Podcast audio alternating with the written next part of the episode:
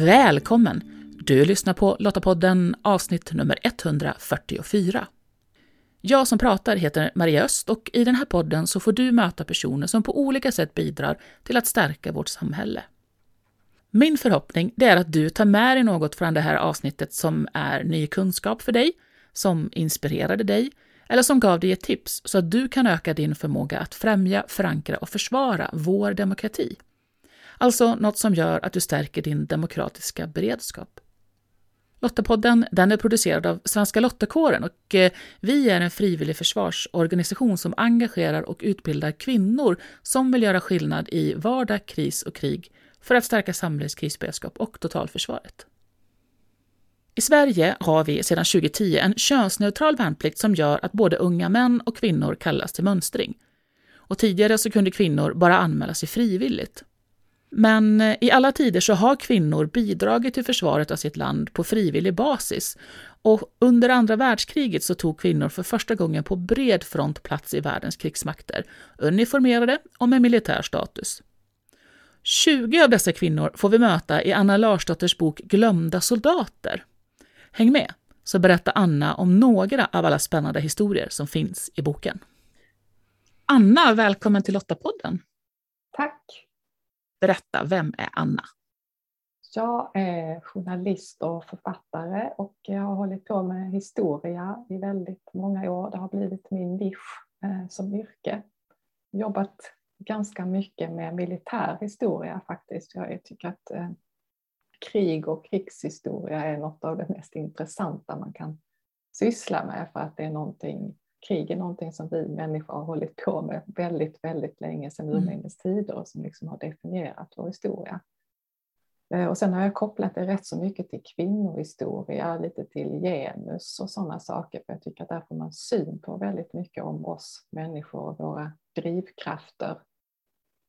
Jag har skrivit några böcker eh, tidigare den senaste före den här nya nu som heter Glömda soldater, det var en bok som heter Kvinnor i strid som kom för några år sedan och där beskrev jag kvinnliga krigsdeltagare från 1600-talet och fram till Vietnamkriget kan man, kan man säga. Så det var en ganska mm. bred bild om vad kvinnor har gjort mm. i samband med militären och krig under århundradena. Och, och, precis, vi ska ju prata om din, din senaste bok Glömda soldater, men eh, mm det är en väldigt spännande titel, så berätta lite kort, vad handlar den om? Det är en bok där jag fokuserar på andra världskriget. I den förra boken så tog jag ett väldigt långt tidsperspektiv, men nu vill jag liksom fokusera mig på de här sju åren som är så oerhört definierande för eh, fortfarande för vår tid. Och där jag tycker att just eh, det finns otroligt mycket skrivet om den perioden naturligtvis, kilometervis med med böcker, men inte speciellt mycket egentligen om kvinnornas roll och speciellt inte på svenska. Så det var det jag ville liksom eh, lyfta fram och se vad gjorde de egentligen under det här kriget. Mm. Och jag tycker att det har blivit extra intressant och aktuellt just nu med kriget i Ukraina och situationen i Europa just nu, att det är många platser som dyker upp i vårt medvetande som var aktuella på den tiden också mm. egentligen. Och eh, hur hela det här sovjetiska imperiet som eh, eh, var en så stor del av andra världskriget och det liksom kliver fram ur skuggorna igen och inte minst retoriken omkring kampen mot fascismen och så. Mm. Som man pratar om nu och som också var det som man motiverade soldaterna på, på den tiden. Det ser man också hos många av de kvinnorna som deltog min tanke med boken det var att följa ett antal kvinnor under de här åren kronologiskt från 39 till 45 och det var kvinnor från olika länder olika sammanhang och som hade olika uppgifter just för att få eh, bredden i vad mm. man gjorde. Vad är det för olika uppgifter? För jag tänker det är inte bara kvinnor i, som har varit soldater då, tänker jag, utan att det finns ett antal olika uppgifter att fylla för att ändå stödja eh, försvaret av ett land. Just det, och det har väl varit ganska mycket min utgångspunkt både i den här boken och i den förra boken att ibland så det vi definierar som en stridande person eller en soldat, det kanske egentligen är någonting mycket bredare än vad vi vanligtvis tittar och ser det som. Och det är också det perspektivet jag vill föra fram, att många av de här kvinnorna som deltog på olika sätt i krigen, deras uppgifter låg ganska nära stridens egentligen, mm. även om de inte definierades som det statusmässigt, så att säga, vilket de då också förlorade på liksom, vad det gäller pensioner och efterlevandeskydd, efterlevande skydd som vi säger idag och eh, sjukvård och alla sådana saker. Men i boken då så är det ju dels ehm, kvinnor som hade militära roller, givetvis de här sovjetiska eh, personerna. Bland annat så har jag är med en pilot och eh, en prickskytt i Röda armén. Och sen är det också en brittisk luftvärnsofficer. Och sen är det också motståndspersoner som eh, deltog i olika partisanrörelser i Polen till exempel. En polsk-judisk kvinna som kämpade mot nazisterna i Krakow. Och vi har en norsk motståndskvinna, en dansk motståndskvinna. Och sen också Lottakåren givetvis, en finsk Lotta som eh, hade en kantin och som följde trupperna ganska tätt i spåren som jag har mm. med i boken. Och en svensk Lotta också, för även om Sverige inte var med i kriget så hade kvinnor viktiga försvarsuppgifter som jag tycker borde uppmärksammas mycket mer just vad det gäller den tiden. Det var faktiskt 100 000 svenska kvinnor drygt som var med eh, i lottakåren och som hade uppgifter för Sveriges försvar. Det var en ganska stor del mm. egentligen när man tittar på hela mängden personal som var involverad i det militära. Mm. Så att, eh, där är en, en, en, kvinna som är signalist och jobbar på eh, försvarsstaben, Gunborg heter hon. Och hon har en viktig roll. Och sen har vi också sjuksköterskorna givetvis, som har ju en viktig mm. kategori som eh, gjorde ett enormt stort jobb som man inte skulle, det går inte att föra krig utan att ha en fungerande sjukvård om man säger, eller då blir det läget än mer katastrofalt. Mm. Så det finns till exempel en kvinna som är eh, en judisk amerikansk kvinna som åker till eh, Europa och som är med efter D-dagen precis och går i land i Normandie några dagar efter den här ikoniska dagen, jobbar som sjuksköterska. Och eh, en annan sjuksköterska som är på China, Burma, India-fronten, den glömda mm. fronten som den kallas och är sjuksköterska där under väldigt, man kan säga primitiva förhållanden. Mm. Så det är ganska många olika öden som kommer fram och flätas ihop i den här boken och liksom, jag låter de här kvinnorna träda in på scenen och berätta lite om vad de gör just nu och sen så får de gå tillbaka och så kommer det en ny kvinna in eh, mm. på scenen. Men allting är ju alltså underbyggt av eh, dagböcker och eh, intervjuer som har gjorts med de här och jag har också i ett par fall själv träffat veteraner. Och jag, och jag tänker just det här att, att vi inte riktigt har sett eh, kvinnorna på samma sätt som männen. Tror du det har just kopplingen till det här vad vi definier, definierar som en soldat?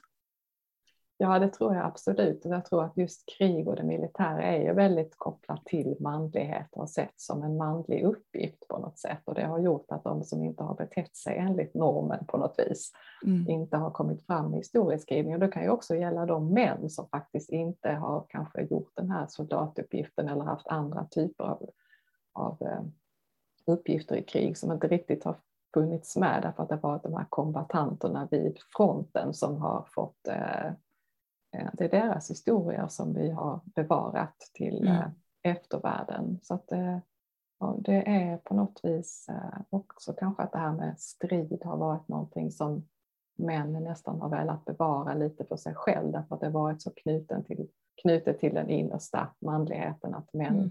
försvarar sina kvinnor och så vidare. Men idag ser ju det helt annorlunda ut, inte minst i Sverige då när vi nu faktiskt har en könsneutral värnplikt och det är mm. ju egentligen något som är rätt så spektakulärt om man säger. Det är att vi får se på de här olika rollerna på ett helt annat sätt i eh, framtiden. Mm.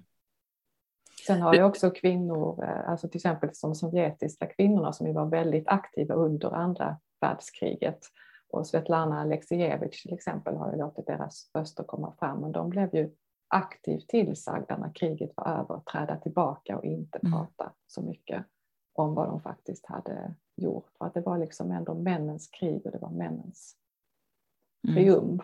Och det är också en kvinna som finns med i min bok, en norsk motståndskvinna som var en av de få som faktiskt ledde ett, eh, ett distrikt, militär, alltså Milog som den här väpnade motståndsrörelsen. Hon var ledare för ett sådant distrikt och hade en aktiv roll där. Men när kriget sen var över och den stora segerparaden skulle hållas, då tyckte man att hon skulle inte vara med där, för det passade sig inte att en kvinna mm. gick med i uniform. Det kan ju låta konstigt, men på något vis så ville man ha kvar den här bilden att det var männens krig och, och männens eh, triumf när man paraderade förbi kung Håkon i mm. Oslo på Karl Johan. I arbetet du har gjort nu då med, med research och för att sammanställa och ge, skildra de här kvinnorna, är det någon kvinna du fastnade speciellt för? Eh, jag tänker att det som är kanske intressantast med boken på ett sätt är väl just den här bredden, att jag har fått med alla de här olika ödena och att jag till exempel också tittar på några tyska kvinnor som inte ofta är så belysta i den här typen av litteratur. De har mm. liksom försvunnit. Eh, och Hitler hade ju en idé om att kvinnor skulle absolut inte befatta sig med krigsuppgifter. Han var ju benhård med det och han sa till exempel att en kvinna som eh, föder fem barn åt den tyska nationen, hon är mycket mera värd än en advokat som är en välutbildad advokat. Så att han ville ju egentligen inte alls att kvinnor skulle ge sig ut i, i militären. Men i själva verket så blev det ju precis så i alla fall, därför att man behövde dem, man hade ont om mm. folk helt enkelt. Och eh, där följer jag också i boken då ett par Eh, tyska kvinnor för att se vad de faktiskt gjorde och visa att eh, de tillhör ju den förlorade sidan och eh, visar kanske att de människorna var inga onda personer men att de ändå tjänade ett, en ond regim, ett ont eller en mörkt sammanhang. Mm. Men om jag tänker på, det är ju faktiskt en person då som jag träffade i verkliga livet, Thelma Sanders, som var, jag åkte till USA för ett par år sedan och träffade henne hon var 99 år då och skulle fylla 100. Och hon var just en av dem som hade varit med i Burma och Indien under en ganska lång period under kriget som sjuksköterska. Det var ju helt fantastiskt. Det var ju en ynnest att få sitta i hennes vardagsrum och höra henne berätta om sina upplevelser och det hon hade gjort eh, under eh, de här åren. Hon var bland annat inne i Burma och tog hand om de kinesiska soldater som eh, som stred där på allierad sida, också amerikanska elitsoldater.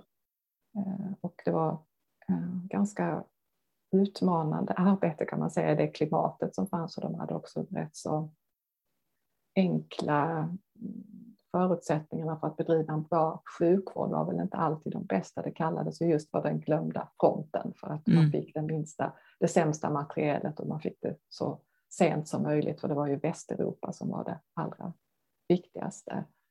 Eh, men eh, ja, det var en, eh, en fantastisk tid att få tillbringa med henne där och mm. hennes man som också var veteran från kriget och hade varit sjukvårdare i Filippinerna bland annat och sen hade mm. de gift sig efter kriget.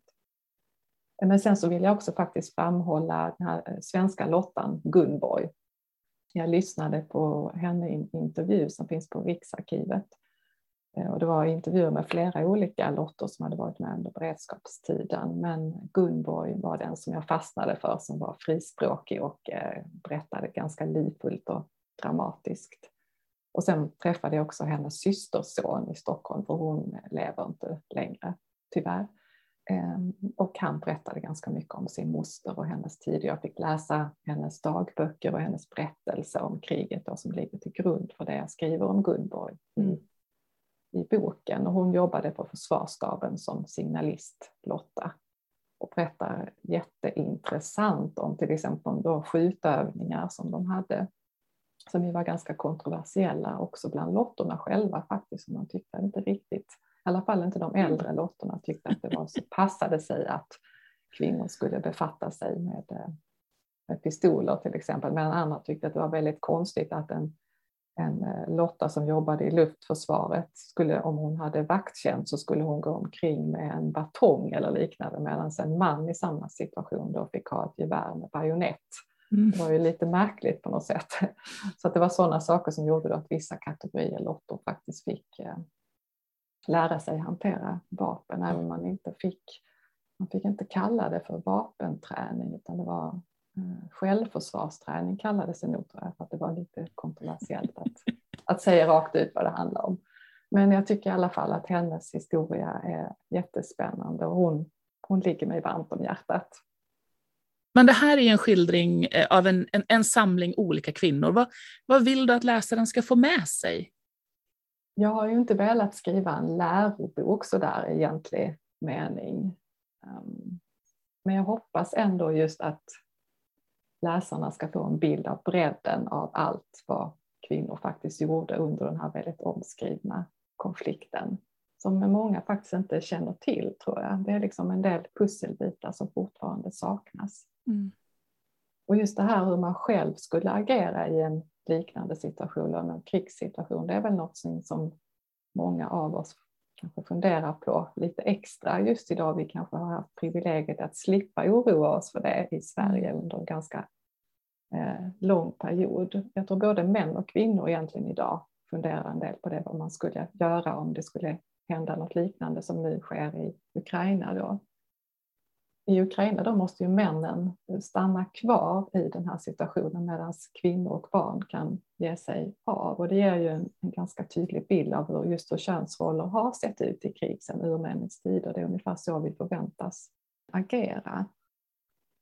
Men det är ju, i Sverige så har vi nu en könsneutral värnplikt. Här ser verkligheten annorlunda ut. Jag tror att många män och kvinnor måste fundera på, eh, kanske ganska tydligt, mm. hur man hur man skulle göra hur man vill ställa upp om någonting sånt skulle hända. Mm. Det är inte alls självklart att vi skulle ta samma roller här och speciellt för unga kvinnor så är det ju en lite ny situation och mm. eh, även för många feminister tänker jag att just det här med det militära och kriget har varit en svår fråga som man har kunnat hålla ifrån sig på något mm. sätt. Eh, för att vi har inte varit skyldiga ändå så man har tyckt att kvinnor och krig det hör inte ihop. Liksom. Mm. Men eh, idag är situationen faktiskt eh, helt annorlunda. Så det tycker jag väl är liksom att man ska fundera över de där sakerna. Hoppas att, att eh, läsarna gör det. Mm. Och sen kanske min eh, starkaste ambition är ändå att man ska komma in på livet på de här eh, kvinnorna, veta vad de har gjort men också lite grann hur de kände och vilka svårigheter de ställdes inför mm. och faktiskt också hur många tyckte att den här tiden var en ganska bra tid. Det beror givetvis på var man befann sig, vad man hade för uppgift och hur det hela slutade. För det är en del, de här kvinnorna som går under under kriget, så är det ju. Mm. Men också att gemenskapen och den här känslan att få bidra och att göra någonting som jag tror faktiskt att ganska många längtade efter. Mm. Man måste komma ihåg också att de här kvinnorna ställde ju upp i de flesta fall frivilligt medan männen var ju oftast eh, tvingade till att ta en sån mm. här roll. Men för kvinnorna var det ett aktivt beslut. Jag vill göra det här därför att jag tycker att det är viktigt. Och eh, den här traditionella bilden av kvinnan som håller sig hemma och ska ta hand om barnen, den är inte helt självklar. Bland annat så var det en eh, ska vi säga, fransk-brittisk kvinna som sen blev agent för den brittiska underrättelsetjänsten. Hon sa att det Just för att kvinnor är mödrar. Det är därför vi måste gå ut och kämpa eh, lite mer aktivt för att vi vill inte att våra barn ska växa upp i den här eh, verkligheten som mm. kanske det kan bli om motståndarsidan vinner eller invaderar vårt land. Så att det finns olika aspekter och det finns mycket att fundera på. Mm. Ja, och jag tänker eh, också en viss inspiration till just att se att det finns väldigt många olika roller att ta. Att det inte bara handlar om att ge sig ut med vapen i hand som soldat, mm. utan att det är så många olika delar som behövs för att det, det ska finnas en, en robusthet i, i vårt motstånd. Ja, och det är verkligen någonting som jag har velat spegla, att det är en bred palett av eh, uppgifter. Och eh, alla är viktiga på olika sätt och där är just de eh, lottorna tänker jag på som stod för mycket av matlagningen, förplägnaden i mm. fält. De är också några, några som har varit ganska bortglömda men utan den här maten som de tillagade så hade det kanske inte blivit så, så mycket gjort. Mm. Och sen är det också intressant, man tänker på de här tyska kvinnorna som jag nämnde som ju följde trupperna En del som följde dem som en slags välfärdspersonal kallades det. Alltså de, var, de skulle vara resurser för de nybyggare som tog sig an landet i Polen och i Ukraina och eh, ja, östra Europa i trupperna, de tyska truppernas spår som hade en oerhört viktig roll och som var oerhört många. Och eh, bland annat så skulle de vara lärare åt eh, tyska barn som flyttade dit och man skulle se till att man kunde hjälpa tyska officerare och så vidare att hitta bostäder i de här erövrade områdena. Och det är också något som har fallit bort ganska mycket ur vår kunskap hur viktiga de här kvinnorna var för att få den tyska nazistiska krigsmaskinen att fungera. Men mm.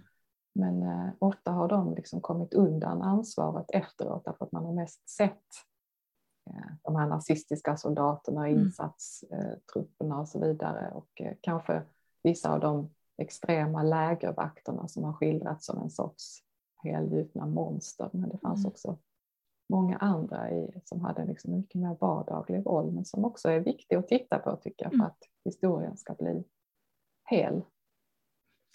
Anna, tack så jättemycket för att vi fick en inblick i eh, din nya bok Glömda soldater och så hoppas vi att den kan som sagt inspirera till, till eftertanke.